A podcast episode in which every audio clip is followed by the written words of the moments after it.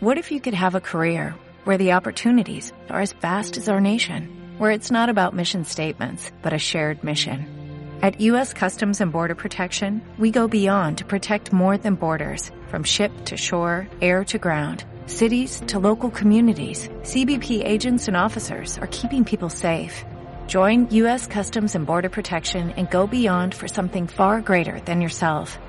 Learn more at cbp.gov/careers. Masaje como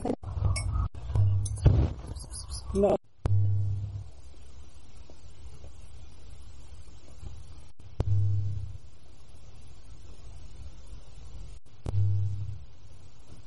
Ezberdina hori ikusiko.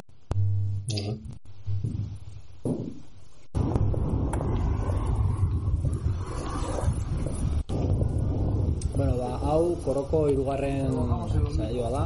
Brutal Misunderstanding izenburua dauka. Eta, bueno, ba, Mikel Errenieto eta Jone San Martin artistak gomediatu ditugu. Mikel Errenieto komisarioa, artista eta ikertzailea da. Artik ezketak egin zituen Donostian, Madrilen eta Bartzelonan. Eta, bueno, ba, praktika fonografikoan, eh, gra- fonografikoan murgituta dabil aspalditik. Eta praktika horrekin lotutako teorian ere.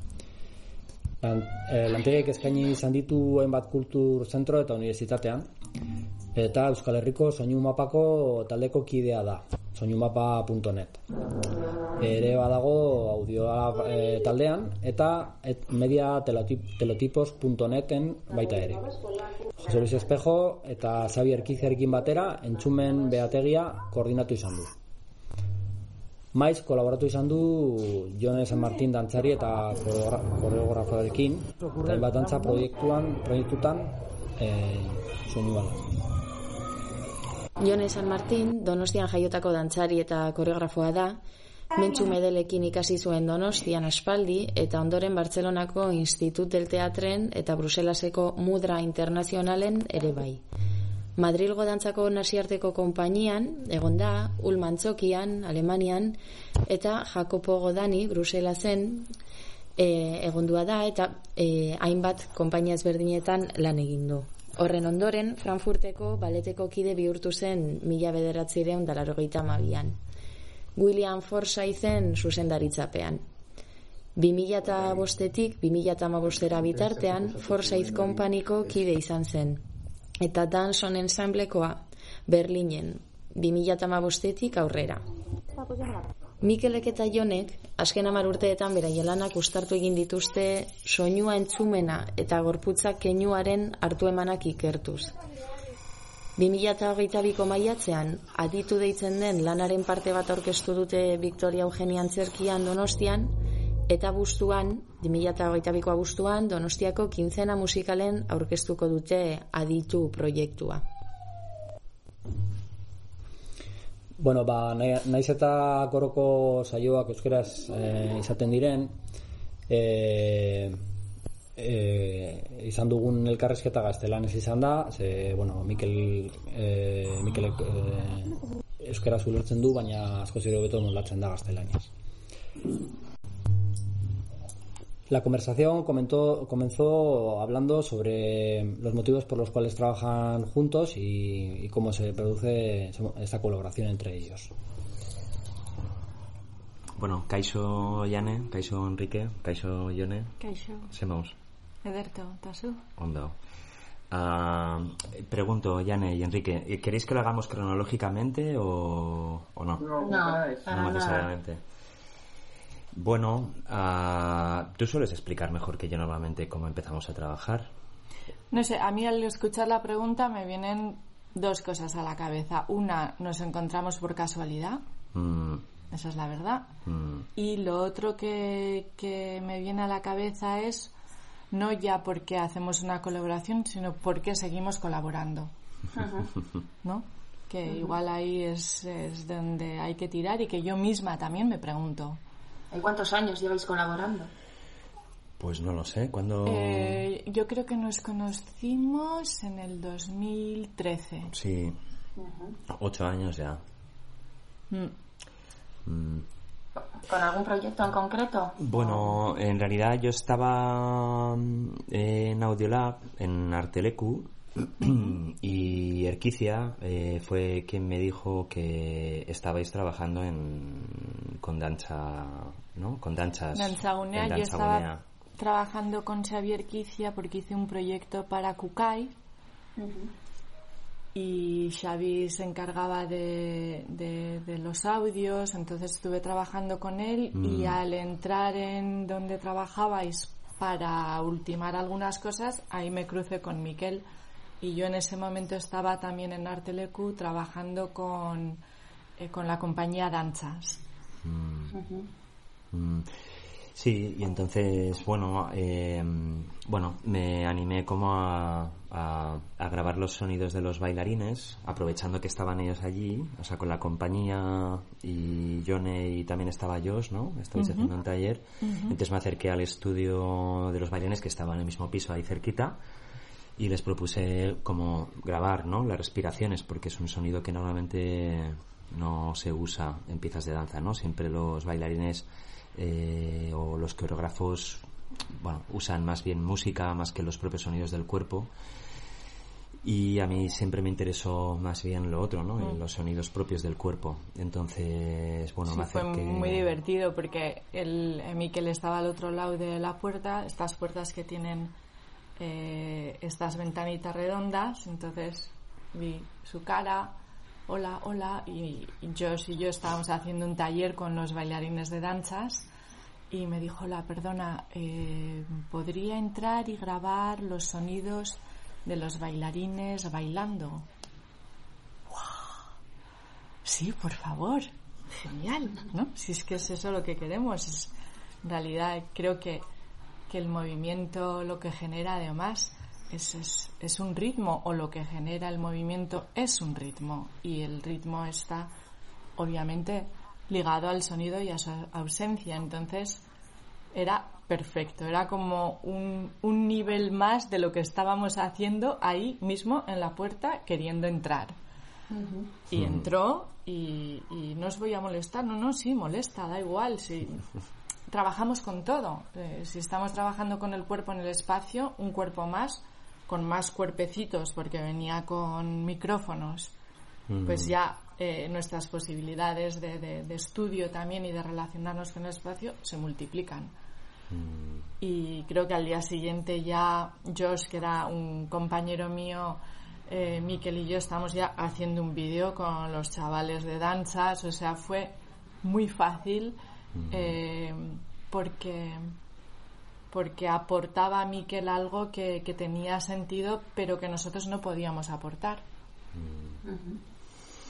Sí, la verdad es que desde entonces, ¿no? La primera pieza que hicimos yo creo que fue a lo, al año siguiente o a los dos años, creo, en mm. San Sebastián, ¿no? Si no mm. recuerdo mal. Mm. Aquella pieza... en, la, en la que, ¿no? Los bailarines acompañaban al público a, cruzar el, el paso de peatones Sí, Danzas hace proyectos en, en, en, Eguía eh, en colaboración con Gastescena y, mm. y, son proyectos en la calle. Entonces mm. eh, a mí me pidieron que hiciera algo y yo pensé en, en eh, Himmel über Berlin. Eh, la idea de, de que hay alguien acompañándonos constantemente y cómo sería si, si los bailarines se convierten en esos ángeles por la calle y acompañan simplemente a la gente, a los, a los peatones, a cruzar la calle. Y cómo no, no bailar para ellos, ni hacer terapia, sino tener la presencia justa para, para lo que sería el gesto de acompañar al otro lado sin que haya un intercambio eh, o, un, un agreement, un acuerdo mm. eh, verbal. Simplemente hay que sentir a quién crees que debes acompañar, saber cómo posicionarte y bailar ese acompañamiento hasta el otro lado. Y entonces, para eso, pues a mí que le, gustó mucho la idea y grabamos a los las voces de los bailarines. Eh, y mm. recuerdo que lo que hiciste fue eh, poner altavoces en la calle hacia arriba, lo estoy diciendo bien, direccionados. Bueno, en realidad lo que sí, efectivamente, grabamos las voces de los bailarines, ¿no? Y, y- y traté como de, o sea, utilizamos, digamos, el espacio arquitectónico de la calle, eh, donde se hacía la, la performance, ¿no? Digamos, ah, para utilizar como algunos espacios acústicamente interesantes para poder hacer que el sonido se amplificara con un pequeño altavocito portátil. Y entonces las voces de los bailarines y con un poco de rever, es verdad, ¿no? Eh, sonaban como ángeles, la verdad, ¿no? Y, y el público, o sea, el público no, bueno, pero claro, es que eso es lo bonito, ¿no? Que de repente una, eh, la gente de la calle, espontáneamente, se convierte en público y, y, en, y en intérpretes a la vez, porque andaban por la calle y miraban hacia arriba, porque oían las voces y sí, se crea un ambiente súper bonito. Luego teníamos a alguien en bici Sí, con verdad. la canción de Nick de Cave. Nick Cave. Sí. Ah, Sí, bueno, aquella fue como una, un- un- una primera toma de contacto de, de trabajo eh, juntas, ¿no? Pero luego después, ya no me acuerdo cuán- cuál fue la siguiente colaboración que hemos hecho. ¿Cuál fue la siguiente? La siguiente fue también con danzas. Yo creo que la siguiente fue con Amancio. ¿Te acuerdas? Ah, bueno, la hiciste tú con Amanchi, sí, Sí. porque yo no podía venir. Exacto. Sí, y sí, sí. luego luego ya nos vamos a 2016, yo creo, ¿no? Ujú. Si no me equivoco, ¿verdad? Bueno, hicimos eh, otra pieza para danzas que estrenamos en Bilbao, precisamente. Ah, claro, es verdad, en el, Jugo. en el Teatro Arriaga. Sí, a- aquel- aquella colaboración también estuvo muy bien. ¿Cómo se llamaba? Jugo. Jugo. Eh, ellos Mm. querían hacer una, habían propuesto a, éramos cuatro coreógrafos y querían que yo hilara un poco todo Mm, y el tema era eh, la, la comida la Mm. y el alimento y bueno nosotros acabamos con el canibalismo. O sea ya. Era una cosa. Bueno, pero, o sea, acabamos con el canibalismo, pero empezábamos con, con la cacería. O sea, Con es decir, claro, sí primero hay que cazar y luego comer y, y exacto, fue- ¿no? sí. O sea, de hecho a ti te dejaron la, o sea, en el momento en el que el público entraba al Teatro Arriaga, porque el- la pieza se estrena en el Teatro Arriaga, ¿no? El momento en el que el público entraba, ¿no? Desde que te cortan el ticket hasta que lo sentaban en, en la platea, ¿no? En cada uno en su sitio. Sí, y luego ya empezaban las piezas de otros coreógrafos, ¿no? Luego había un descanso que también lo utilizamos, ¿verdad? hicimos un vídeo Sí, y luego la última parte para poder sacar a la gente del público, o sea, al público del, del Teatro Arriaga, también nos cedieron esa parte que, Sí. bueno, que les echábamos les echábamos, sí. sí. logramos echarles, ¿no? Y, o sea, para nosotros fue muy divertido, es cierto, Mm. pero para el al, al- al regidor del teatro no, no le pareció tan divertido. Bueno, el- el- lo, lo más lo más eh, difícil en estos casos suele ser que, que- que lo- los dirigentes de la compañía y los bailarines pues les hable la situación. Si ellos están contigo, pues ya la podemos liar. Y liarla bien, con, con mil fo, ¿no? Y, y- y estuvo guay porque, porque pudimos eh, utilizar el espacio de la entrada, el primer piso, los pasillos, los baños. Es que- en los baños sí. había eh, sonidos de animales, de jauría, eh, y los bailarines estaban entre el público con las pautas que ellos tenían, Mm. cazando lo que ellos creían que les alimentaba Mm, Sí, en y aquella ocasión. utilizaste sí. los Como- el sistema de O sea, el sistema que todos los teatros normalmente tienen, el sistema de, no sé cómo se dice, como los altavoces propios del teatro, cuando te avisan que queda poco tiempo para empezar, ¿no? Y estás en el baño. megafonía Sí. Eh, Sí, y claro, no, ellos no estaban acostumbrados a, a usarla, o sea, tuvimos que convencerles y, y fue muy divertido, la verdad. O sea, había gente en el baño mientras estaban en el baño, pues escuchaban efectivamente. De hecho, sí, utilizamos como, utilicé como voces de eh, de personas imitando animales. O sea, se escuchaba... Son unos chinos, me dijiste. Sí, era un disco de, de, sí, de, un- de una pareja de chinos que imitaban como sonidos de animales. Entonces la situación que se generaba era muy, muy rara, muy rara.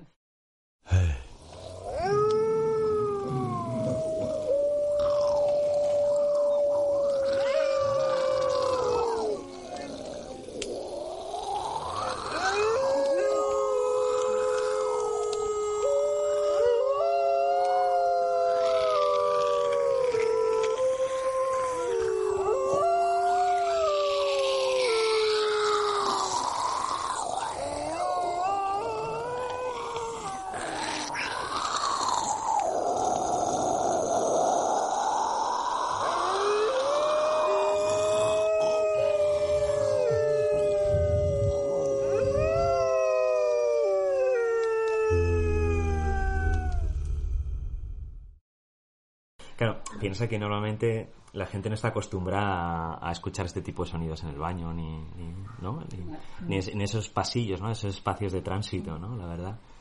Pero bueno, sí, es- esa colaboración fue muy interesante también por eso, porque se escapaba un poco también de los formatos habituales de, de lo que son los espectáculos, ¿no? De lo que entendemos por espectáculo donde al final el público terminaba aplaudiendo. En este caso el público no terminaba aplaudiendo, el público se iba, o sea, realmente quedaba un único bailarín en el escenario bailando solo y le decía al público que se fueran, que quería estar solo bailando en el teatro y la gente no entendía nada. Entonces el resto de bailarines no iba echando a todo el mundo, eh, a todo el público del, del teatro Arriaga y, y fue muy divertido, al menos para nosotros fue muy divertido, la verdad.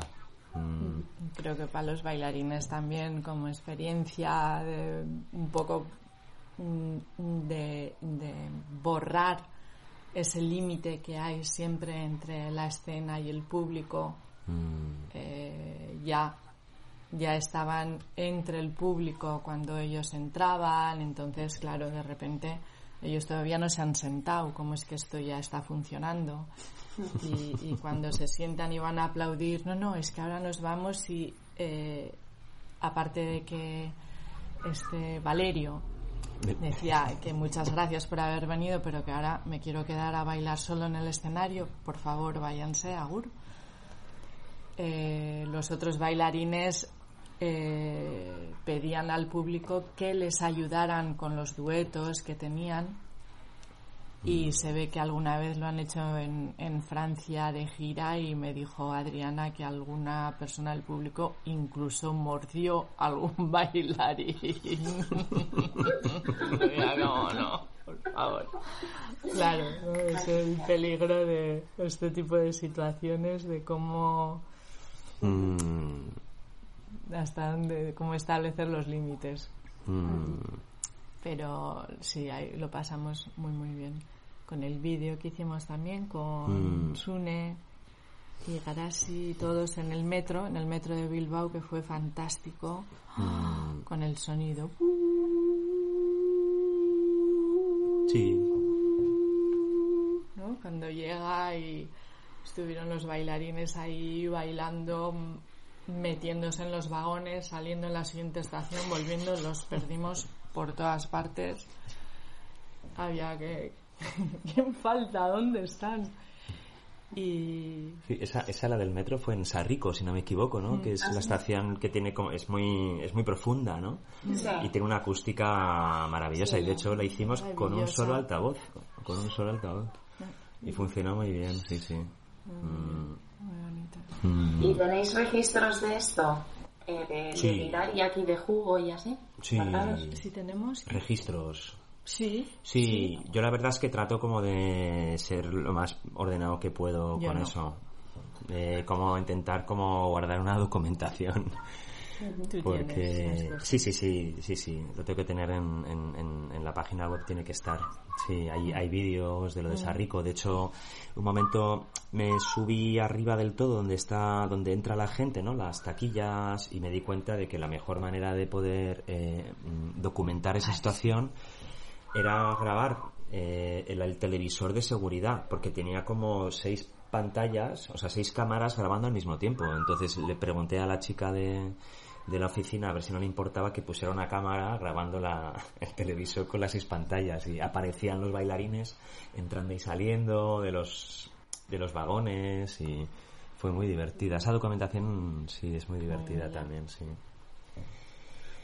Pero bueno, el tema de la documentación en danza también es un tema que nosotros hemos hablado mucho porque eh, al menos es mm, mi opinión, ¿no? Eh, normalmente, bueno, yo no tengo ni idea de danza, siempre lo he dicho. Yo eh, trabajo con, con bailarines, sobre todo gracias a Yone pero me di cuenta de que cuando me enseñan documentaciones de danza siempre se hace desde el punto de vista del coreógrafo, ¿no? que está normalmente en la mesa técnica, atrás en el teatro, y se ve al bailarín desde lejos. Y bueno, hubo una ocasión ¿no? que utilizamos como otra manera de documentar la danza, ¿no? Eh, proponiéndolo desde el cuerpo realmente el bailarín.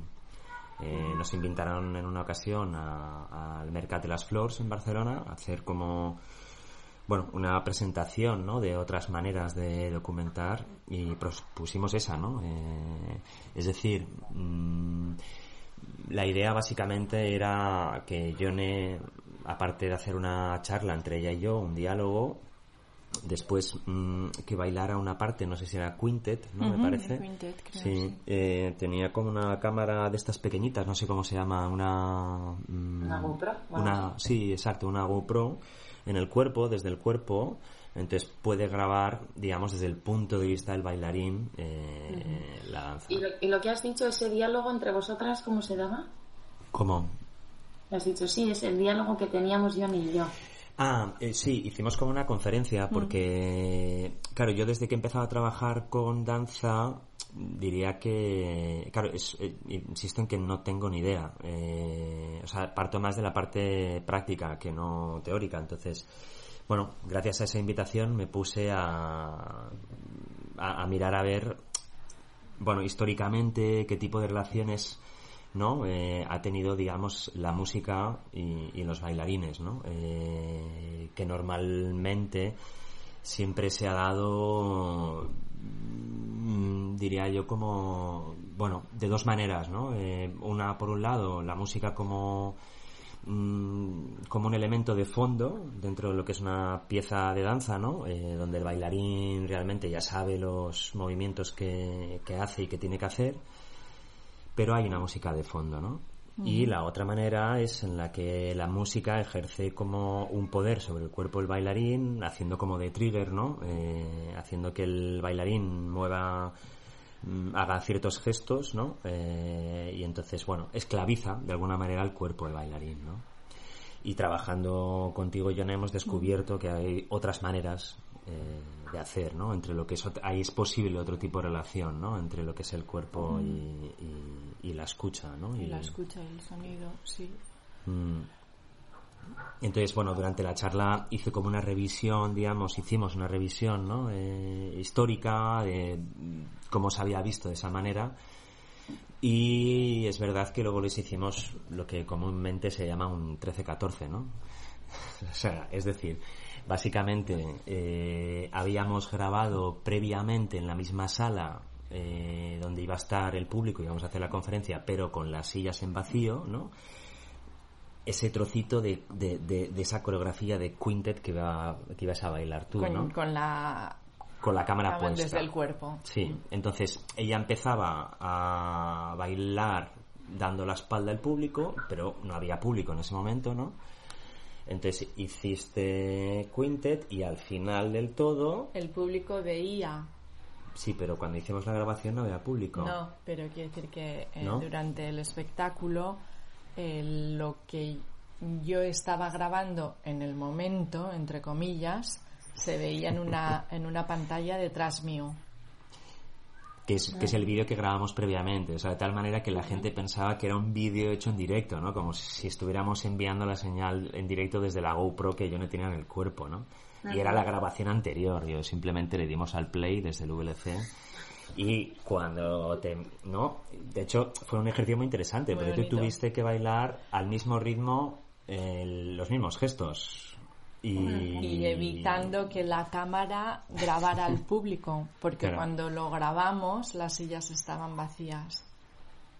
Entonces tenía que hacer el movimiento de manera que no se viera al público para que ellos realmente creyeran que lo que estaban viendo era lo que estaba grabando en ese mm. momento la cámara hasta que al final me tumbaba y encontramos un gesto en el que ahí sí de repente solo grabo al público y ellos ven las sillas vacías. que es como una imagen muy, similar ¿no? a, la de Yves Klein, ¿no? creo que se dice así, Yves Klein, ¿no? cuando está con el teatro con las sillas vacías. ¿no? Era una manera de, de, colocar a los espectadores realmente casi como músicos silenciosos, mm, como fantasmas ¿no? de, musicales, ¿no? de alguna manera. Sí. sí. Otra pregunta que surgió cuando estuvimos hablando con Johnny y con Miquel fue cómo se da ese diálogo entre lo que es el, cuerpo y el gesto eh, por parte de, de John San Martín y también cómo se da, como he dicho, ese diálogo entre, entre el cuerpo y la propuesta sonora de Miquel, ¿no? Si primero esa improvisación se ensaya desde lo sonoro al cuerpo o al revés, o se da una situación totalmente improvisada eh, donde van actuando algunos triggers sonoros y hace que el cuerpo se accione. Entonces eh, les preguntamos cómo, cómo se da este diálogo entre ellas dos y entre estas dos disciplinas, ¿no? que tampoco queremos coger como de forma aislada, pero un poco cuál es su forma de trabajar y cómo, cómo se coordinan y cómo generan estas situaciones entre sonido y cuerpo. Y, mm. sobre todo hay, hay encuentros que se dan en el momento. Yo creo que si lo que hacemos los dos es trabajar la, la situación. Entonces yo a través del cuerpo y él a mm. través del sonido. Estamos eh, trabajando con la misma situación. Lo único que con, con, corporeidades diferentes. Mm. Y ahí es donde nos encontramos. Lo que nos une es la situación. Mm. Creo. Sí, sí. Eh, el hecho de que yo, a mí me gusta muchísimo bailar en silencio porque me fuerza a escuchar eh, lo que estoy creando en el momento y como trabajo mucho con la improvisación, eh, es, es, es, es una composición ya en sí. Entonces no se trata de que el trabajo que hacemos con Miquel adorne eso mm. o ni de que yo tenga que adaptarme a los sonidos que estoy escuchando, sino en el caso de que haya sonido, en el caso de que haya cuerpo, ¿por qué? Mm, sí, es, es, o sea, yo antes cuando hablaba de música me refería sobre todo a la manera clásica, ¿no? De entender la aproximación desde lo sonoro al cuerpo, ¿no? Del bailarín. Ah, pero es cierto que para mí define bien como la mejor manera es situación, ¿no? Y sobre todo entender el, el, el, sonido como, como, un cuerpo más. Mm. El problema, el problema que tenemos es normalmente es que al ser invisible, ¿no? Parece que no está y que es, y, y, que es como un elemento, como un, como un background, ¿no? Pero, pero está. Y en ciertas situaciones, como por ejemplo sucedió ahí en Bobo, en el espacio de Coldo, pues por, por las características acústicas del espacio, por el equipo, porque el suelo es de madera y bueno, es verdad que también el volumen ayuda, haces que el, que el, que el cuerpo del público que estaba en aquel momento tumbado en, el, en, el, en, el, en, el, en la madera del, de donde se baila normalmente, ¿no? Todo el público, pues al tener la cabeza también, ¿no? Bueno, todo el cuerpo tumbados, ¿no? Y como que te gusta a ti un subwoofer, vamos. Bueno, si es posible, dos mejor. Esto también lo hemos ido aprendiendo, ¿no? O sea, hay que decir que al final el, el sonido, bueno, es, es, es, tiene un componente físico inevitable. Mm. Es verdad que se puede bailar efectivamente desde el silencio y que yo creo que muchas veces cuando se empieza a hacer un trabajo de danza casi es lo más adecuado, más que tratar como de llenar, ¿no? Ese horror, o sea, ese, horror vacuo y que muchas veces tenemos, ¿no? De, miedo al vacío, pero es verdad que es un buen ejercicio empezar desde el silencio. pero también es cierto que la fisicidad del sonido está ahí y está ahí para jugar con ella. En ese caso, la pieza que hicimos con Janis, bueno, sí, empezábamos con una sesión de escucha y terminábamos con otra sesión de escucha y bueno, sí. Mm, eran sonidos, en aquel caso jugué, bueno, había todo tipo de sonidos, desde sonidos de murciélagos a grillos, eh, bueno, bastante selváticos, pero muchas veces cuando estamos expuestos al sonido y a su parte más física, eh, notamos mm, tal vez más claramente, eh, se hace notar, ¿no? Nuestro cuerpo, mm. o sea, lo vulnerables que somos en la escucha muchas veces, ¿no? Sin embargo, cuando vamos mm, a cualquier centro comercial, por ejemplo, o a cualquier tienda de, de ropa, y no voy a poner ningún nombre para hacer propaganda, ponen la música bastante alto o incluso en algunos conciertos o en algunas discotecas la verdad es que tienen a 120 decibelios tampoco voy a decir nombres de lugares no pero o sea es decir que no es una cuestión de volumen no eh, primero es una cuestión de del material sonoro que utilizas porque tal vez no estés tan acostumbrado ¿no? y, luego por otro lado porque estamos más acostumbrados al hecho musical que no al hecho sonoro mm. ¿me explico? Sí, hacía esta pregunta porque pienso, ¿eh? no lo sé, igual me equivoco que muchas veces si decimos música aplicada a coreografía, danza, teatro, lo tomamos como algo auxiliar. Mm. O sea, siempre, o sea, como mm. se le suele equiparar, ¿no? O sea, que a veces es maravilloso también, ¿eh? O sea, no creo que mm. haya solo un modus operandi, efectivamente. Pero ese es el que más se, se conoce. De hecho, hay veces que, que la gente se sorprende cuando ven danza en silencio. Es como, ah, mm. la danza tiene ya, es una lengua, es decir, que tiene ya su, su propio ritmo, no depende de la música para, para darse. Pero es que siempre hay sonido, hay, o sea, a mí es, claro, el, sonido del cuerpo, quieres decir. Sí, exacto. O sea, es inevitable escuchar los cuerpos. Mm. O sea, el, silencio no es, no es, no es, no es, no es real, no es acústico, ¿no? Mm. O sea, entonces, bueno. Pero, y, y, y, ya que estamos, yo creo que, que ahora lo, a lo que hemos llegado igual a través de, estos encuentros que hemos tenido Miquel y yo a través del trabajo eh, al silencio o, a la ausencia de sonido o a la hablando de la escucha el hecho de que yo también soy parcialmente sorda eh, pues nos ha, nos ha llevado a, a manejar ese, ese vacío, por decirlo de alguna manera, ¿no? Cuando no hay posibilidad de oír o cuando lo que se oye no es lo que se ha dicho.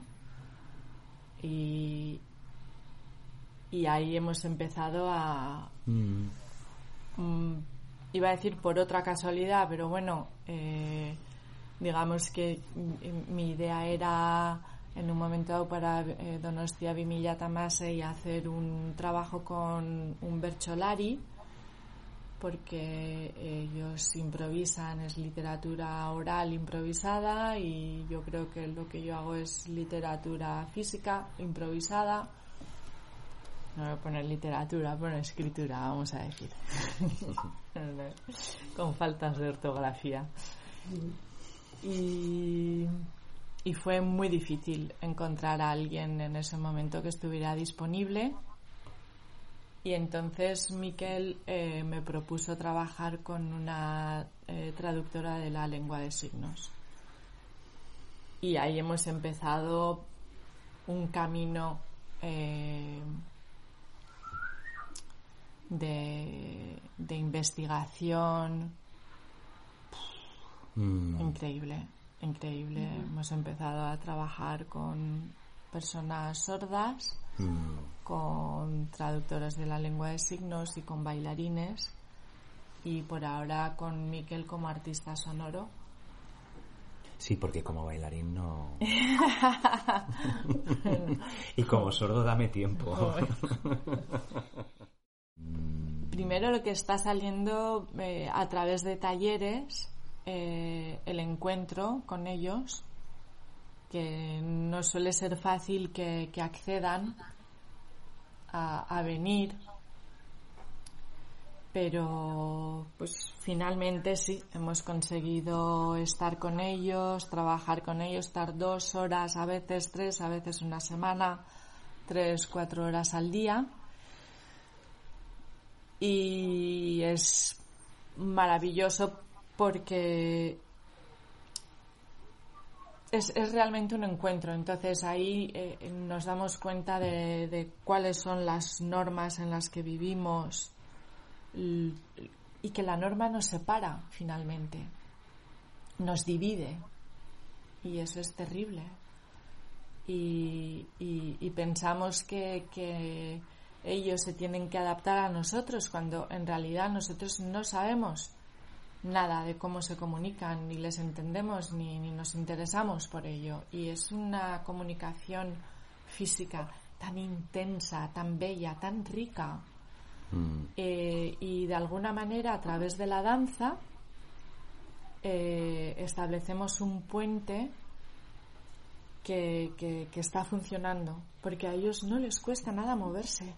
Y no son bailarines, de hecho no, no queremos hacer una pieza de danza para personas sordas, no o enseñarles a bailar, no, va de el, es, es, una búsqueda coreográfica y, y, a nivel de, de tú, definirás mejor por tu parte, Miquel, pero de descubrimiento de qué es lo que nos suena, ¿no?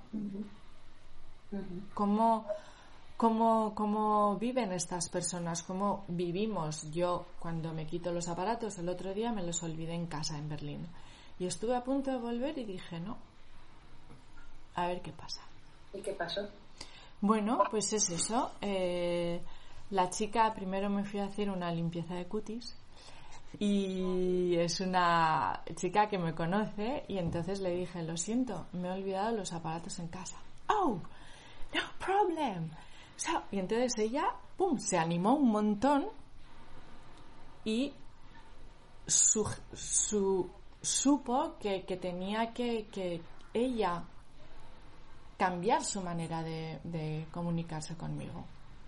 Y que para entenderse conmigo necesitaba gestualizar, eh, también articular más la boca, en fin, nos entendimos perfectamente. Bueno, nos hablaron también de su residencia en Tabacalera cuando estaban desarrollando el proyecto Aditu y eh, como eh, no pudieron estrenarlo y se ha, retrasado, se ha retrasado al verano del 2022 dentro de la quincena musical pero sí pudieron eh, hacer una parte dentro del Víctor Eugenia. El proyecto en el que estamos trabajando ahora es Aditu. Entonces, Miquel de alguna manera aporta esa, esa, ese conocimiento y ese interés, diría yo, porque no es tanto de saber, sino de, de hasta dónde no podemos saber, ¿no? Esas preguntas que nos podemos hacer, que Miquel las hace desde un campo que a mí no se me ocurriría.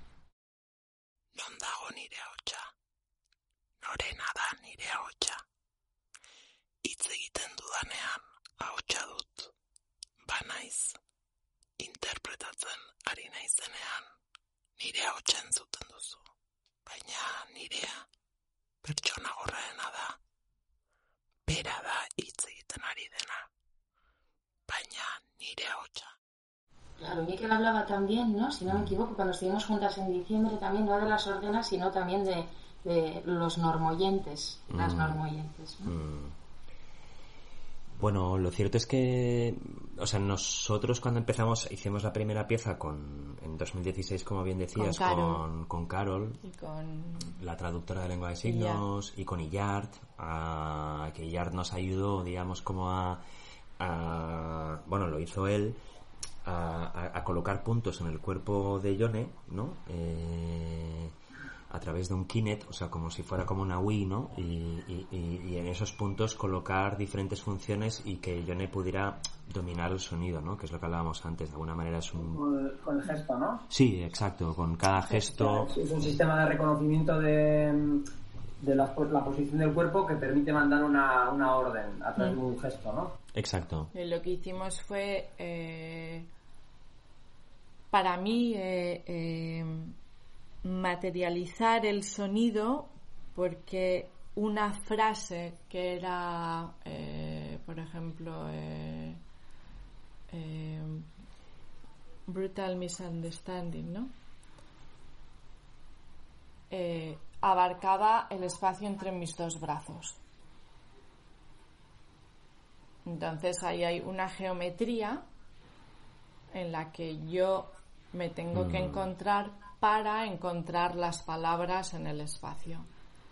Y va en como un triángulo hacia abajo cada vez el espacio se iba reduciendo y si la primera frase al nivel más ancho era eh, Con los brazos abiertos. con para- los brazos abiertos. para- sí. Brutal misunderstanding, si voy bajando y será brutal misunderstanding, brutal misunderstanding, brutal misunderstanding, brutal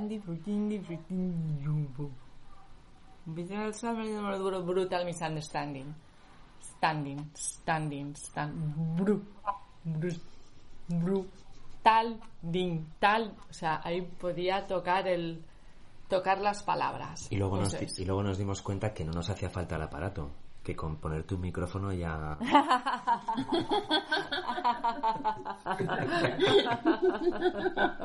Mi ordenador, ¿no? Claro, luego ya. Le, le- no. Dijimos, El mira, poder de la ponle- imaginación. Ponle, ponle- ponle un micrófono a Yone que con esto ya le hacemos toda la pieza ya. que se lo creen. Otro, otro, es que hay- tengo, tengo que decir tengo que decir que o sea lo que iba a decir es que realmente desde el principio hemos ido aprendiendo en ese Claro, proyecto no o sea exacto. desde UCH en 2016 hasta Sí. Bitu a día de hoy hemos Sí. ido aprendiendo pero realmente tampoco sabíamos bien qué implicaba no trabajar realmente con sordos Mm. Yo, por ejemplo, trabajando con bailarines me he dado cuenta de que eh, la profesión del bailarín es la más cercana al cuerpo, en el sentido de no hay otra profesión como la, la del bailarín que conozca cada músculo eh, con esa consciencia, o sea, la- los actores y las actrices sí. Los atletas igual, pero de sí, otra manera, ¿no? O los fisios, ¿no? O los médicos, incluso de otra manera, ¿no? Desde otra aproximación. Pero hay un músculo que los bailarines normalmente no trabajan y es la voz. Ellos normalmente trabajan el cuerpo, pero no la voz.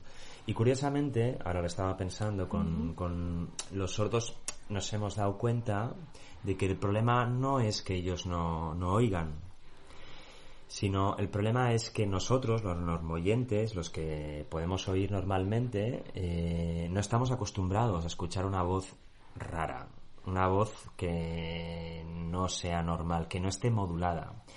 Para los sordos esto es una cuestión política muy importante, el hecho de que aprendan a, a- a- a hablar, lo tienen que hacer con un logopeda, eh, les lleva mucho tiempo porque no son capaces de escuchar su propia voz, entonces tienen que colocarse la mano en, en- en la garganta para ver cómo suena, aprender a, a- a mover la lengua en cierta manera para poder comunicarse con el mundo normoyente Sí, para adaptarse a nosotros, tontitos.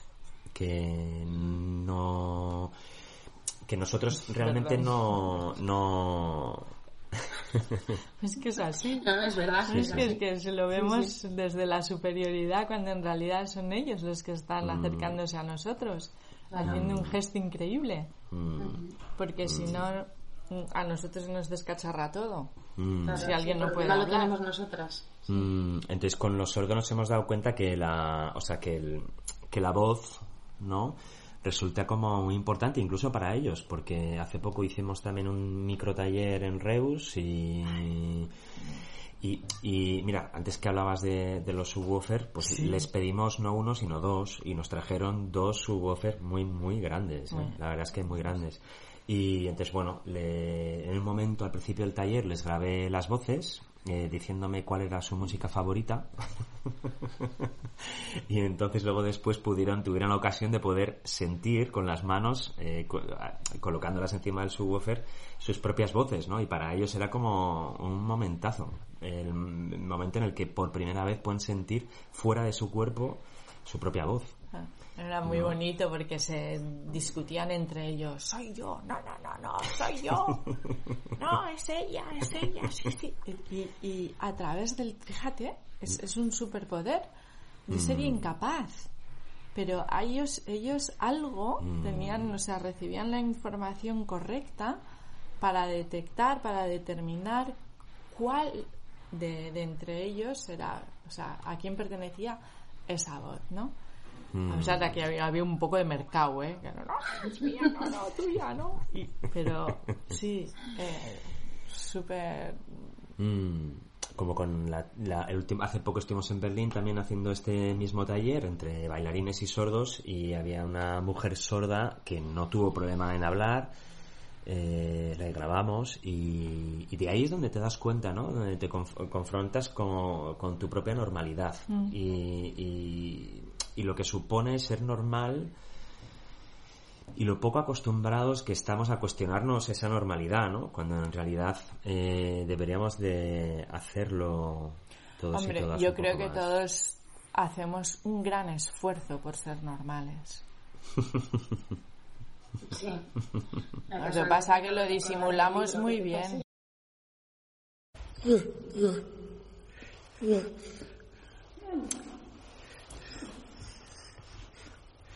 papá.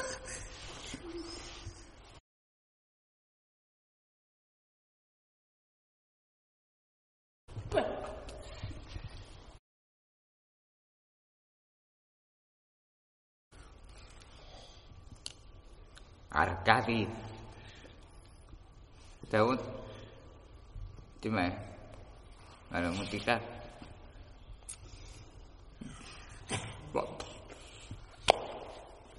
Mutika. La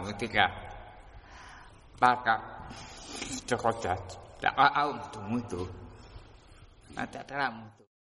Ahora, en el domingo que viene, en el Vitorio Eugenia, vamos a hacer, voy a participar en una gala y Miquel y mi amacho, vamos, estamos haciendo algo entre los tres.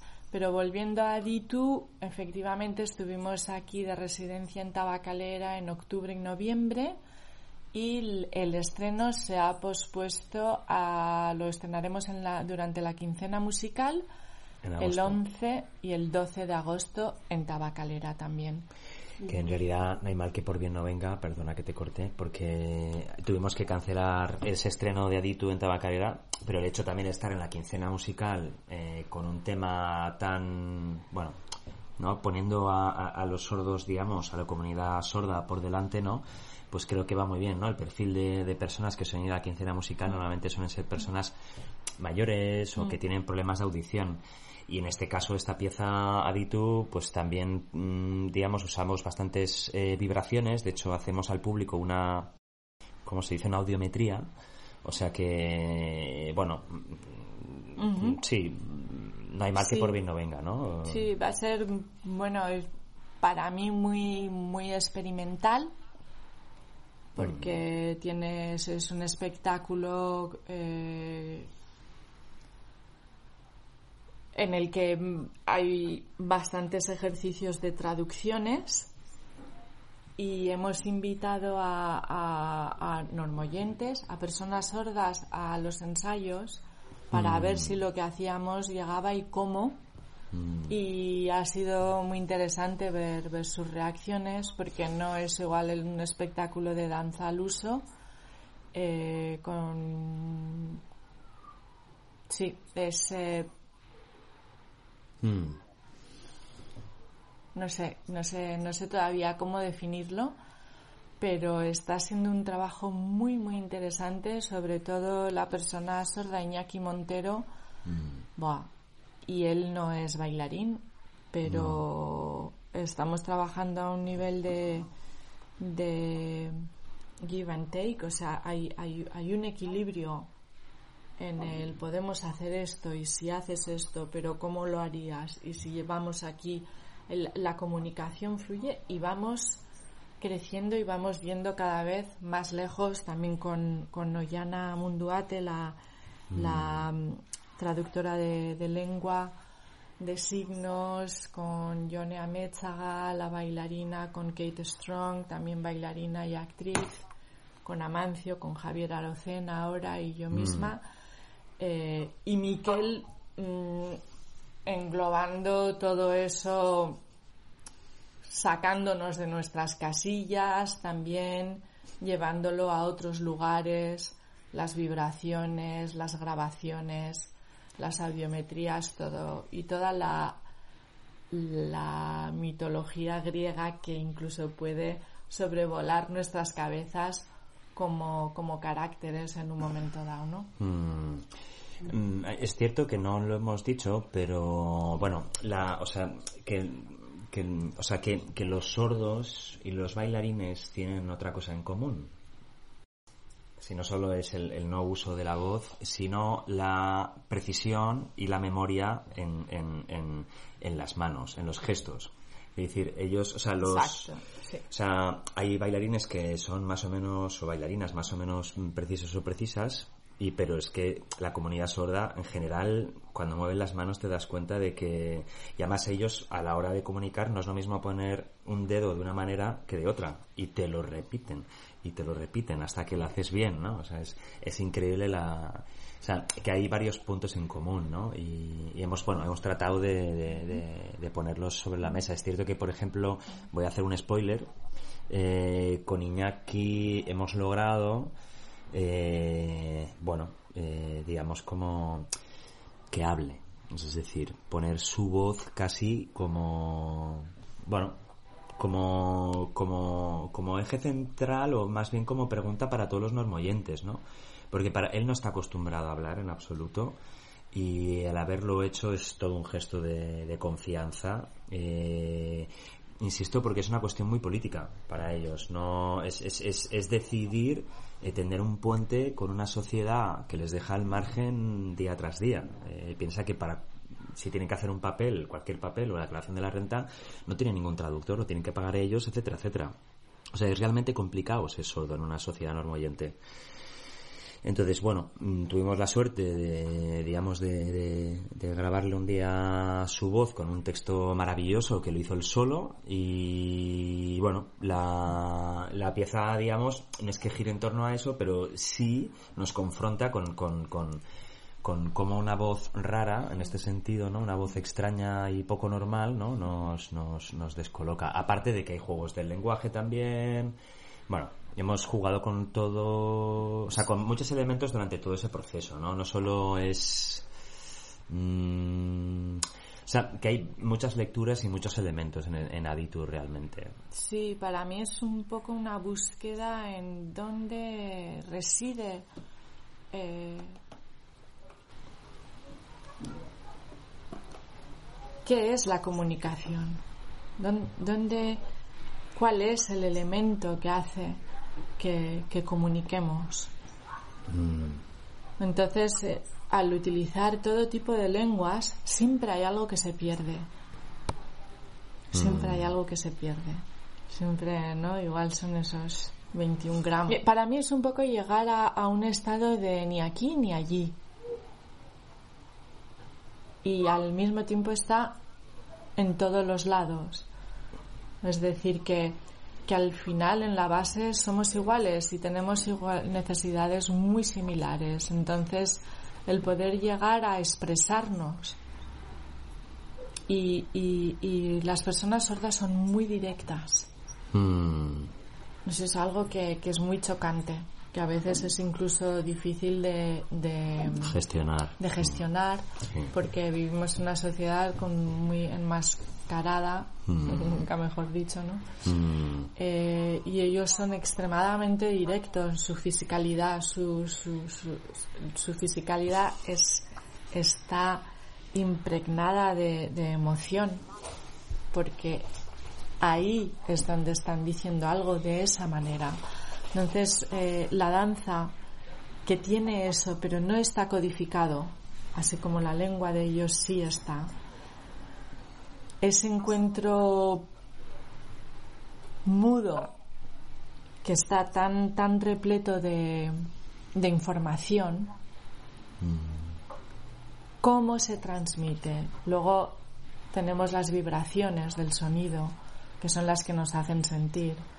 Entonces es más también una pregunta de cómo comunicamos realmente y qué comunicamos. Muchas veces lo que comunicamos no, no, no reside en lo que decimos. ¿Sordos o no? Sí. Bueno, es cierto que, por ejemplo, en el trabajo con los sordos nos hemos dado cuenta de que el hecho de que uno tenga capacidad de audición, de que pueda oír, no implica que tenga capacidad de escucha. Por ejemplo, los sordos, o sea, yo no conozco, bueno, o sea, no, no, los quiero colectivizar, pero en general son personas muy atentas. O sea, no es lo que decía Johnny, que en palabras de Foucault serían como la parresia, ¿no? Tiene esa capacidad de exponerse diciendo la verdad, ¿no? Pero al mismo tiempo tiene una capacidad de escucha, de su mundo es muy visual, entonces están eh, con toda la información que les permite los grados, que les permita la visión, están muy receptivos, ¿eh? Y son personas que escuchan con el cuerpo. Eh, en ese sentido, no, no, no con los oídos, ¿no? Y sin embargo, muchas veces estás con personas que, que tienen la audición maravillosamente bien, pero no están en el sitio, ¿no? O sea, no sé si es falta de presencia o falta de interés o, falta de escucha, ¿no? Pero sí es cierto que los sordos escuchan y muy bien. En ese sentido son cosas que hemos ido aprendiendo, ¿no? Con, En contacto con ellos, la verdad. Mm. Y lo que vamos a hacer el domingo en el Vitoria Eugenia eh, que es mm, en esta gala de danza eh, yo he cogido un extracto de un dúo que he hecho en Berlín con una ¿cómo se dice? ¿Chelista? No, porque toca la viola. Ah, viola gambista. es, es, una viola de gamba, pero no sé cómo se dice una intérprete de viola de gamba. ¿Intérprete de viola de gamba? No lo sé. Bueno, viola gambista está bien. Viola gambista es bonito, ¿no? Y hemos hecho este, este dueto y aquí voy a, hacer una versión de ello y Miquel me está ayudando con ello porque lo voy a hacer con mi amacho que tiene 86 años. Y... Ahí puedo... Ay, no, bueno, te, tocaría, perdona, ¿eh? que te corte. ¿Puedes decir el nombre artístico de tu madre? Es que es maravilloso. Flor de Loto. Pero he, llegado tarde a... Se la ha puesto un amigo nuestro, Josepo. Eh, me llama Flor de Loto. Y, nos encanta. Pues no sé, porque Josepo es, es, es, una persona muy, muy mágica, con muchísima imaginación y, y, y, sensibilidad y pues cuando va a buscarle a mi mamá y van los dos a tomar un vino, pues le llama Flor de Loto. ¿Y qué va a hacer Flor de Loto? ¿Eh? ¿Qué va a hacer Flor de Loto? Pues Flor de Loto por ahora está freaking out, claro, porque Es que te imagínate, primero hay que llegar a esa edad y segundo que tu hija te ponga encima de un escenario. El, eh, el dúo con, con Yotfat, que es como se llama la violagambista, eh, estamos las dos eh, frente a un atril con un algo.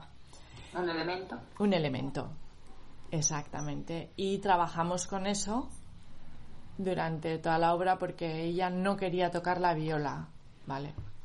Nothing Against. Al final tocó un poquito. y con Amá pues eh, vamos a hacer un pequeño extracto. Tengo una pequeña idea, ella no tiene que hacer mucho, pero cuando me imaginé haciendo esto aquí, pensé que no lo podía hacer sola y me vino a la cabeza hacerlo con Amá. Y luego me di cuenta que además el 1 de mayo es el Día de la Madre. Y el Día del Trabajador, ¿no? Creo que sí. el Día del Trabajador. Y el 29 de abril es el Día de la Danza, por esto que se hacen estas galas. Muy, muy nerviosa, porque nunca me ha gustado salir al escenario ni a ningún sitio. O sea que así. Así como... Con nervios, apurada, más que con nervios, apurada, que tengo que atravesar el escenario delante de tanta gente que me conoce. Fíjate a estas alturas, con 86 años. Como la flor de loto que eres. Y, y eso más vergüenza todavía. Fíjate que me ha puesto flor de loto. Luego te voy a comer cuando acabemos todo. Y pues ya, ya, ya veremos a ver cómo, cómo sale y cómo estrena Mm, Flor de Loto su... Pero lo que vamos a hacer esta tarde. Sí. Ah, ¿no? eso es, cuéntales tú. Sí, Sí, sí, claro, ¿lo puedo sí. contar? Sí, sí, sí, esto fue idea de Ah. Yotfat además. Sí, Sí, ¿no? Vamos a utilizar, ¿no? Mm. Vamos a grabar el sonido del corazón de, de- de- de- bueno, tuyo y, y de tu madre, ¿no? Y de ama, sí. Sí, eh, y lo vamos a, a utilizar en, en la pieza, ¿no? Si no me equivoco, es lo que... mm, Entonces, bueno, por eso el otro día me compré unos estetoscopios, pero también logré también comprarme hace un poco de tiempo eh, unos geófonos para poder, ¿no? De, de esta gente que hace, eh, bueno, micrófonos muy interesantes y tal en Eslovaquia. Y, y el otro día lo probé y funciona muy bien para grabar el Mm. corazón. Lo que pasa es que, claro, son frecuencias más graves. El estetoscopio es muy ruidoso. Sin embargo, este tiene la opción de la ventosita. Entonces, bueno, una vez terminemos de hacer esta entrevista, pues nos pondremos a, a jugar a médicos y a, a- a grabar el sonido de y a enfermeras. y a- Miquel va a ser la enfermera. Los le, he médicos están- el, le he comprado el disfraz y todo. Sí, los médicos, de noche. eh, los médicos son los que utilizan el estetoscopio, ¿no? ¿O no? Sí, pero sí, es verdad, son ellos, ¿no? Claro, claro. Ah, A ver otra vez. ah. Nada, mira, le voy a recetar un poco de descanso. Que luego todo el estetoscopio lo has intervenido. El estetoscopio, ¿no? Es... Bueno, eh, me compré dos. Uno, en vez de, digamos, como cortarlo, eh, tiene, o sea, tiene como dos vías para, porque es estéreo para los dos oídos, tiene la opción de quitar el metal que tiene dentro y he metido ahí un microfonito, pero la verdad es que eh, son muy ruidosos. El otro día, o sea, tengo, ahora estoy trabajando con, en un proyecto, estoy desarrollando un proyecto de investigación que, que estudia, digamos, la relación entre la muerte y la escucha. Entonces una parte de esto también es el tema del estetoscopio, ¿no? Y, y estuve entrevistando a, a, a un doctor, bueno, en sociología, ¿eh? no un doctor en, en medicina, sino un doctor en sociología, que había estudiado precisamente el estetoscopio. Ah, yo quería que le, le habías preguntado a ver cómo, cómo hacer la auscultación. A él. Sí, No, bueno, no. en uno de sus textos lo explica, ¿eh? Y bueno, esto es un asunto. El tema es que realmente los médicos tienen que aprender, en general, tienes que, tienen que aprender a utilizar el estetoscopio, cómo escuchar. Pero es un elemento bastante ruidoso.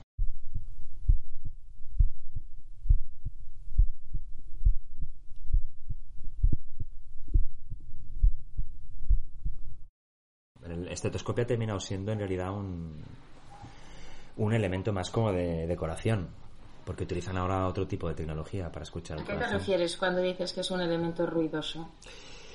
Bueno, que tiene ya mucho ruido de fondo, que los médicos tienen problemas eh, para poder reconocer, digamos, eh, las posibles diferentes sintomatologías del corazón, ¿no? O sea, creo que son como, no sé, son cuatro o así posibles, ¿no? Donde pueden reconocer eh, si un corazón tiene algo o no, eh, o, o cómo suena un corazón. El tema es que no, no, no, es, no son tan limpios. Entonces ahora lo hacen con, no sé si se llaman electrocardiogramas, y con otro tipo de tecnología que permite incluso ver, es decir, utilizan los ultrasonidos para poder ver en una pantallita cómo las válvulas del corazón se abren y se cierran, ¿no? Para el paso de la sangre. Entonces, Sí, me refería porque no sé si el propio aparato ah, eh, se escucha mucho ruido o precisamente el aparato hace simplemente que se evidencie el ruido dentro del cuerpo como caja de resonancia que es. ah, bueno, son bastan- bastante ruidosos en el manejo. En el manejo, o sea, tienes que educar mucho tu escucha y ese es el problema que tienen y que tampoco ahora mismo con otro tipo de elementos como es el electrocardiograma pues pueden prescindir eh, del estetoscopio porque realmente que es un año, o sea, una asignatura solamente para aprender a escuchar los médicos eh, eh, con el estetoscopio y entonces tampoco es tan bueno. necesario, ¿no? Es genial, ¿no? Y así suena esto, y así suena lo otro, y así Mm. suena. Pero porque no saben del geófono, porque el geófono en ese sentido se escucha mucho mejor. Ahora, si este podcast lo escucha un médico, seguramente se terminará comprando un mí me geófono. encantaría saber qué opina Flor de Loto de todo esto. Pues Si quieres luego te mando un audio. Por Le favor, preguntaremos directamente a ella. Sí, sí, sí. Ya me ha dicho que lo que haga falta, que además son dos pases, uno a las 12 y otro a las 7. Pero bueno, va a ir bien, va a sonar bien, se lo va a pasar bien y... Sí, va a estar la Sai sentadita y... Claro. Y, y bueno, también hay que decir, ¿no? Porque en realidad este podcast que la gente está escuchando, o sea, este evento del que estamos hablando no es que lo tengamos que hablar en futuro, sino este, este evento ya ha sucedido.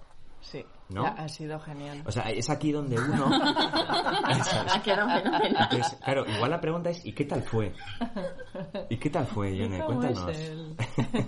No, aquí es donde uno se da cuenta el valor de las grabaciones, ¿no? O sea, que es como una especie de pliegue temporal que no sabes si estás en un futuro o en un pasado, ¿no? Estás en un podcast. Mm. Y ahora estamos pensando en, en irnos de gira, ¿verdad? Sí. Los tres, ¿no? Las A tres. Mongolia.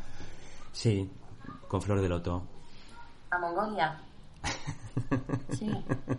Bueno, tú te vas a, Monglo- a Mongolia, eso sí. Mongolia. Sí. ¿Quieres ¿Qué vas a hacer allí?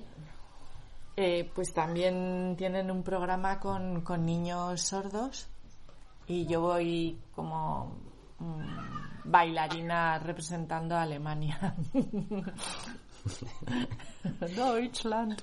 ¿Y, te- y- y- y tenéis como... ah, sea, un- uniforme alemán? No sé cuál es, cómo serán, cómo se vestían. No, no, no, no. No, no sé, viene otra chica de Francia y luego una coreógrafa eh, de allí también, de danzas eh, tradicionales. Así que ya os contaré, eso sí que os contaré a la vuelta. Vale. Que enlazaremos, ¿no? En principio, ¿no? Os veréis, ¿no? Vosotras dos ahí en la reta, en, el, Sí. en, el, en, en la grabación de... Con el jet lag no sé si se veré mucho, Eso, pero... Porque ahora, Yone, tú te irás a Mongolia después de este podcast y luego eh, Miquel continuará con un proyecto que se llama Reta. Efectivamente, que en, la- en el cual, eh, pues bueno, estamos unas cuantas... Es básicamente es como mi primera película, ¿no? Pero no es la primera, o sea, algo hecho con... Algo he jugado con vídeo, ¿no? Que en realidad básicamente he utilizado siempre el vídeo como para documentar los momentos de cuando hago grabaciones en la naturaleza. Lo que ocurre es que uno termina pidiendo en un proyecto cosas y, y- luego se da cuenta de que las cosas son como más complejas y- y, bueno, al final también terminas invitando a amigos y amigas para, para juntarnos y, y ver qué sale de todo eso, ¿no? O sea, la idea de la película, ah, por hacer un resumen breve, breve, porque, bueno, sí, la idea de la película básicamente es, es una película que trata sobre la espera, porque es uno de los elementos que yo también he ido como aprendiendo cuando uno hace grabaciones, la cantidad de tiempo que te tiras esperando a que una rana cante, a que alguien termine de hablar, ¿no? Como puede ser este caso, o entonces, bueno, for- ¿no? En, en un sentido más corporal diría que es la espera, la que nos acompaña muchas veces en silencio, ¿no? Que no nos damos cuenta, ¿no? Pero mira, en la, durante la pandemia se ha hecho mucho más evidente, ¿no? Que hemos tenido que aprender a esperar y que vivimos en una sociedad de la espera. Y con Alex Mendizábal hiciste también un proyecto acerca de la espera. Sí, hicimos con Alex Mendizábal también, efectivamente, un proyecto. Hicimos como cuatro ejercicios eh, aquí en Donosti y en Berlín. eh, y la verdad es que fue muy divertido. eh, fue muy divertido. Sí, fue muy divertido. Con Alex, trabajar siempre con Alex es, es, es siempre un crecimiento profesional y personal. Entonces, para esta ocasión también he decidido como invitarle, porque con Alex, pues nunca sabes lo que puedes esperar, ¿no? Entonces, vamos a ver qué sucede con Alex y bueno eso los, eso sucederá justo en a finales de agosto principios de septiembre si todo va bien en Mongolia y a la vuelta también no que irá bien Va muy bien. En, noviembre también tienes eh, lo de Azcuna Centro, ¿no? Ah sí sí lo de Bueno, todavía falta un tiempo, ¿no? Pero, pero si comentas así muy brevemente. Sí, a ver, otra parte es que, mm, bueno, dentro de mí hay muchos mis, sin sonar a, a una persona esquizofrénica, pero es cierto que, bueno, pues aparte del trabajo con bailarines eh, y trabajos con grabaciones de campo, también llevo un tiempo haciendo, digamos, como música a partir de, de feedback, ¿no? O sea, de un input mixing board, básicamente, como lo hace Toshimaru Nakamura, bueno, y otra poca gente, ¿no? Lo que pasa es que yo lo hago en un entorno digital, básicamente.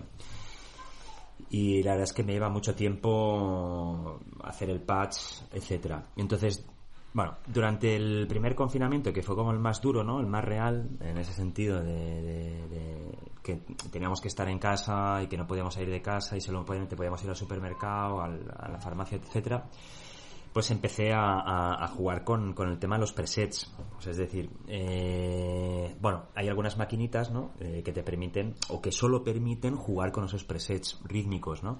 Entonces dije, bueno, pues mira, me voy a hacer, eh, voy a sacar todos esos presets a través, o sea, desde, digamos, desde un patch que hace de feedbacks que produce un ruido y lo paso por un preset y luego le añado unos efectos, ¿no? Entonces son, creo, si no me equivoco, 64, si no me equivoco, son 64 tracks de unos de unos 12 minutos de duración, básicamente. Y en esos 12 minutos son 6 minutos que se repite 6 veces aproximadamente ese preset completo. Eh, básicamente. Entonces, en total creo que son cerca de 14 horas. Eh, que me llevo muchas más horas hacerlo pero fue me fue muy bien para aliviarme y, el, primer confinamiento, la verdad. Entonces, bueno, lo vamos a presentar en teoría en octubre. Sí, Presets Star, ¿no? En, octubre, en, en, el Azcona Central, a modo de instalación. Pero son como casi 14 horas, ¿no? Entonces, la idea no es tanto como escuchar, bueno, es, es, es, poder entrar y salir a, esa instalación, ¿no? Y que, y que un centro se atreva también a, abrir las puertas esa, esa, cantidad de horas, yo la verdad es que también lo celebro, ¿no? Qué bien, sí. Mm, entonces, bueno, todavía me falta como retocar algunos eh, detalles de la parte de audio de esos tracks, eh, pero bueno, también la parte visual y la parte de, bueno, que la escucha sea confortable, ¿no? Que la gente se pueda tumbar y donde, bueno, puedan escuchar tranquilamente, entrar y salir sin ningún problema pero es, una parte, ya te digo, es un proyecto que tengo que lo llamo yo yo, en homenaje a mi querido hijo Joel, eh, que en Francia sabes que la primera sílaba es la que es la que te pone el nombre, ¿no? Es como, pues yo sería Mimi y tú serías Jojo. Yo yo. O yo yo también, sí. ¿No? Entonces, bueno, pues le llamo yo yo por un homenaje a Joel. y no es un... ¿Cómo? Hoy hoy en en. Sería en en ¿no? En, en, Enrique, Enrique, en, en, y hoy, hoy, hoy, hoy. Sí, hoy, hoy. sería lo contrario, sí, en vez de yo, yo. No, ya te digo que, o sea, el cómo hago esa música, que lo hago casi también por, por dejar de tener el control, ¿no? Sobre lo que uno hace. Es decir, cuando haces eh, feedback, mm, la máquina habla por sí misma en cierta manera, ¿no? Y, y tú tomas unas decisiones, obviamente, para que la máquina produzca ya no solo ritmos, sino unos ciertos sonidos, pero no, no están basados en una linearidad, o sea, no son lineares, ¿no? Es decir, tú subes un fader y no es de 0 a 100 Mm, en ese 0 a 100 hay muchas variables que suceden y que solo la máquina te las va mostrando según vas cambiando, ¿no? Entonces, bueno, hay un punto en el que me interesa mucho esa, esa parte para poder mm, dejar de tener el control sobre lo que hacemos, ¿no? Eh, a, nivel de sonido y sé que me lleva a veces mucho tiempo eh, y que son muchas veces también improvisaciones que yo hago con, con el propio patch, ¿sabes? Eh, abro el programita o diferentes programas y depende del patch, pues suena de una manera o suena de otra. Entonces, eh, muchas veces ni siquiera, o sea, lo hago con diferentes pads, pero bueno, son como pequeñas improvisaciones que hago, ¿no? Entonces me permite también como escapar un poco de esa parte con mente, ¿no? Eh, que tenemos todo controladora de, que creemos que sabemos lo que hacemos, ¿no? Y que mm. los micrófonos también te dan un poco, bueno, esa parte, ¿no? Extractiva de la realidad donde parece que calladito y grabando, ¿no? Pues vas recogiendo todo lo que es real.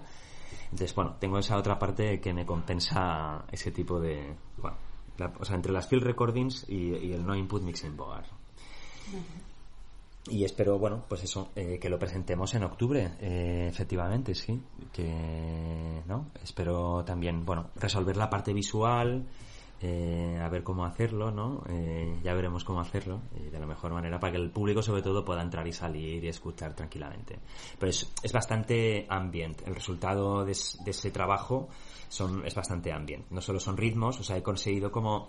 Mi idea era, el objetivo era como eh, hacer que se ¿cómo se diría? Disiparía, ¿no? La parte rítmica de esos presets, ¿no? El Mm. preset queda claro la primera vez, pero según va avanzando, la segunda va desapareciendo hasta que ya queda como una especie como de, bueno, delay, ¿no? Como una especie de como de delay eterno de, de ambient, ¿no? Eh, mucho más escuchable muchas veces, Mm. ¿no? Bueno, ya lo veremos, espero que Qué guay. en agosto, en octubre, sí, en octubre.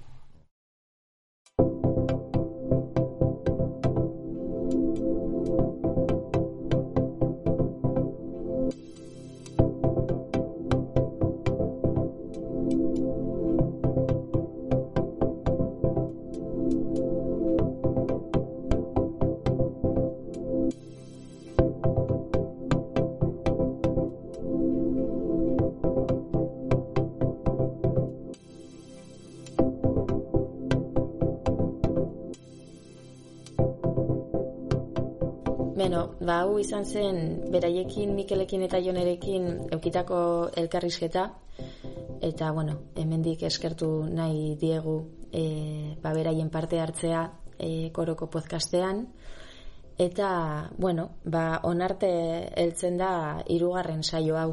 Bai, urrengora arte. Urrengora arte.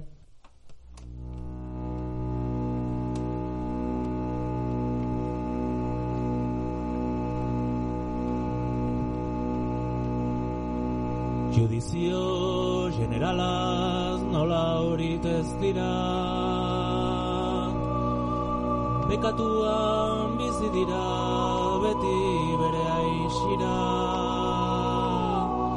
Egun hartan galezkiten aitzinetik begira.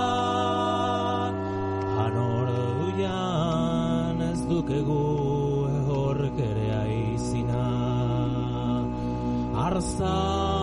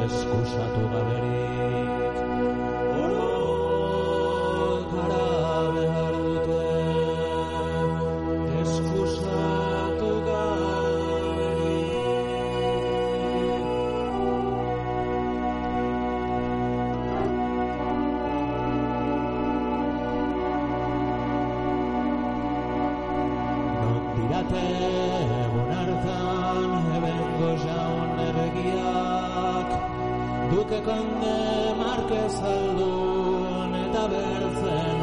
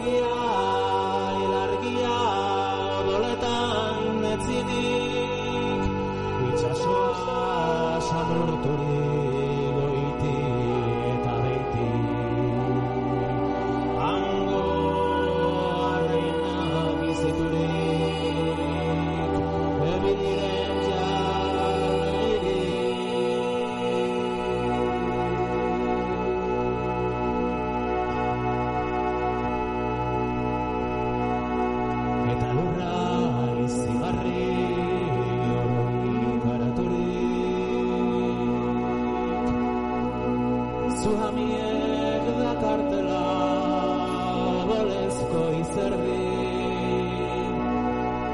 Tempestate